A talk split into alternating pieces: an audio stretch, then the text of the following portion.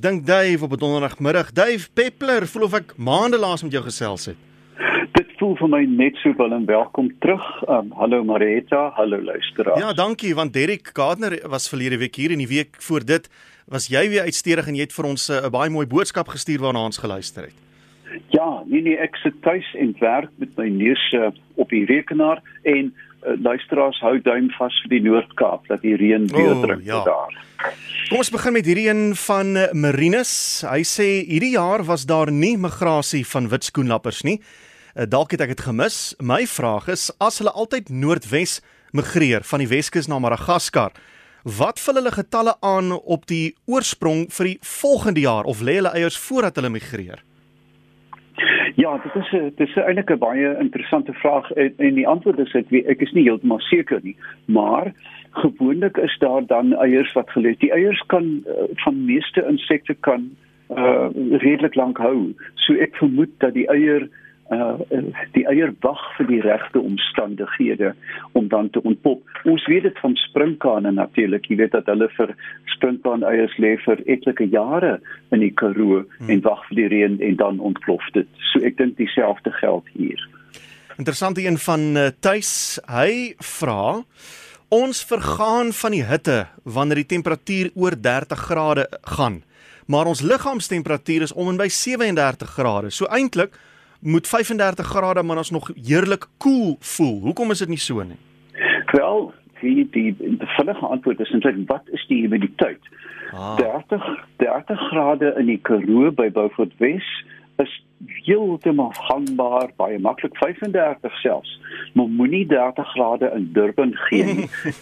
en dan uh, voel dit of jy vergaan. Met ander woorde dat uh, die die opvel oppervlak verkoel jou dan glad nie. Hmm. Ehm um, ek het al gewerk, ek is ernstig, ek het al in 48 grade gewerk.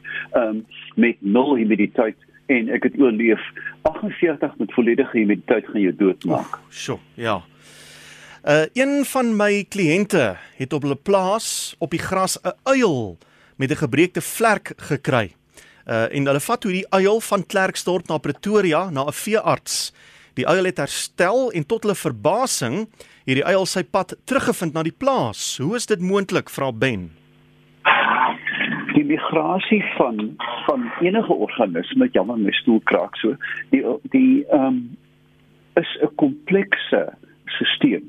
Nou by ander organismes is dit 'n kombinasie van dinge. Jy weet katte loop uh, partykeer weke terug huis toe en hulle gebruik dan 'n um, uh, kombinasie van uh, genetika of die diere wat ver vlieg gewoonlik of voels dan het 'n genetiese komponent wat hulle terugneem na 'n tuisgebied, die sogenaamde home gebied soos by 'n duif, né? Nee? 'n Duif weet waar sy hok is.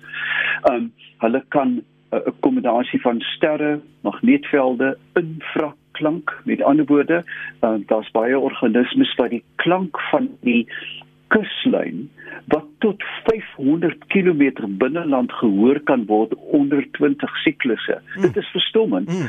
Ehm mm. um, dat hierdie hierdie muur van klank uh, bestaan en dit uh, 'n uh, groot kombinasie. As hulle in die nag vlieg, kan hulle die sterre gebruik, die maan gebruik. So maar gewoonlik is dit nie net een element nie, maar 'n suite van 'n aantal elemente wat hulle gebruik om hulle uh, pad terug huis toe te vind. Hierso is ene wat vra weet mure so wat 7 dae voor die groot reëns kom dat dit gaan reën want uh, hoe weet hulle om gereed te wees? Ja, nou, jy weet uh, dit is mos nou vroeg winter en die, die hemel weet alleen net voor die reën dan pak die mure mos jou huis sien dit en loop heen en weer. Ja. Ons weet van uh, gevalle van uh, groter gebeurtenisse, die tsunami in die midde in die ooste 'n jaar of 10 gelede dat olifante, buffels, honde en katte het land uh, het eintlik van die see af weggevlug uh, met toe die brander of die groot tsunami nog nie getref het. Ja. Net so met ruismure wat eintlik termiete is dat hulle gewoonlik die drukfront voor 'n uh, reënby daarvoor die tyd kan aanvoel. Kyk, ons weet mos net voor dit reën word dit warmer en nie kouer nie. En dit is die lug wat saamgekom tussen 'n fietspomp en dan word dit warmer. So hulle tas die lugdruk gewoonlik af voor die tyd en dan hardloop hulle heen en weer soos mure. So hulle eh, soos klein mobiele uh, barometers. Ja, die hele die hele lot. Dis nie net hulle nie, daar is 'n hele ander groep organismes wat dieselfde vermoë besit. En dan kan hulle dit uh, die reën of uh, dan is hulle in 'n mate voorberei deur gate toe te stop, weg te vlug, eiers weg te dra ensovoorts. Hier's 'n vraag van Dani in Primrose. Hy sê met die winter wat nou in aantog is, het ek al gewonder hoe oorleef straatbrakke Ek ry op pad werk toe verby 'n plakkerskamp en wonder gereeld hieroor hoe oorleef hulle in die koue en selfs mense wat hulle honde buite laat slaap. Hoekom vrek hulle nie van die koue soos 'n mens wat buite sal slaap nie? Ja, voel tog, jy weet ek ek dink jy gedurig daaraan as ek knus in my huis sit, jy weet wat van eerstens mense, jy weet in 'n plakkerskamp met 'n pasgebore baba. Wat van dan 'n tief met kleintjies hmm. wat wat buite lê. Nou honde is geneig natuurlik sodra dit koud word, bewe hulle. Nou bewe het natuurlik 'n funksie soos by ons ook en dit is natuurlik om die vel dan aktief te hou en jy weet ook as jy uh, geoefen het, dan voel jy as dit aantasbaar warmer, jy voel warmer en dan krul hulle natuurlik op. Jy weet 'n hond slaap net reguit as dit baie warm is. As dit koud is, krul hy op. Hy druk sy neus in sy lieste waar die asem dan ook onderskep word om hulle warm te hou. Maar natuurlik op 'n stadium word die hond of enige organisme so maar dat hulle dan vrek. Hmm. Uh, so skape, geskeurde skape na uh, na hulle 'n uh, uh, koue front tref.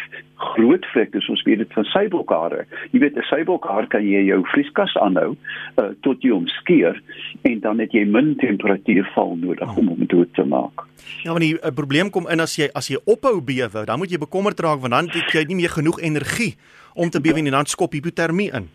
Dan jy weet ek het al een keer in my lewe gelei aan hipotermie en dit is baie dit is verskriklik vrolik. Jy begin lag jy weet jy lag jy staan nie dood in die oë en jy lag daaroor. Hmm. maar dit is 'n dit is 'n hewige fisiologiese ontwrigting hmm. as as hipotermie eers begin. Dan moet jy weet jy's in in groot moeilikheid Jackie sê ons was verlede week in die Kreer Wildtuin by 'n watergat het 'n groot olifant koei met 'n opgeskote kalf gestaan en water drink. Toe hulle klaar gedrink het, het die koei langs die water gemis. Dit was baie nat en dit was nie 'n soliede bol mis nie. Terwyl die koei stadig weggestap het, het die jong olifant na haar mis gegaan en bietjies bietjies daarvan in sy bek gesit. Is dit normaal? Hoekom doen hy dit? Hy doen dit om die mikroflora uh, die lewe die lewende organismes van sy ma se maag wat duidelik effektief is omdat sy reeds volwasse is om homself sodoende in te ent. Met ander woorde, um, hy kry soos ons 'n polio inenting kry, kry hy dan 'n volledige oordrag van die mikroorganismes. Nou moet julle nie gril nie. Daar is wel 'n nuwe uh, mediese toestand waar jy die fesies van 'n so gesonde persoon uh, duidelik nou uh, geur met vanilje en framboos dink ek en dit in 'n kapsule sit en dit dan gee aan 'n mens wat deur 'n ewige dosis van bestraling of deur um, antibiotika is nee. en so vestig jy dan weer 'n gesonde um, interne lewe in die in die persoon of in die dier. Dis waar ons dit moet laat. Dave, baie dankie dat jy vir ons uh, weer eens tyd gemaak het. Ons maak volgende week weer so. Tot dan, ek wag vir julle. Dis aan Dave Peppler. Jy kan gerus om gaan besoek op sy webwerf davepeppler.com. Hy's ook op Facebook. Gaan soek maar net onder sy naam Dave Peppler.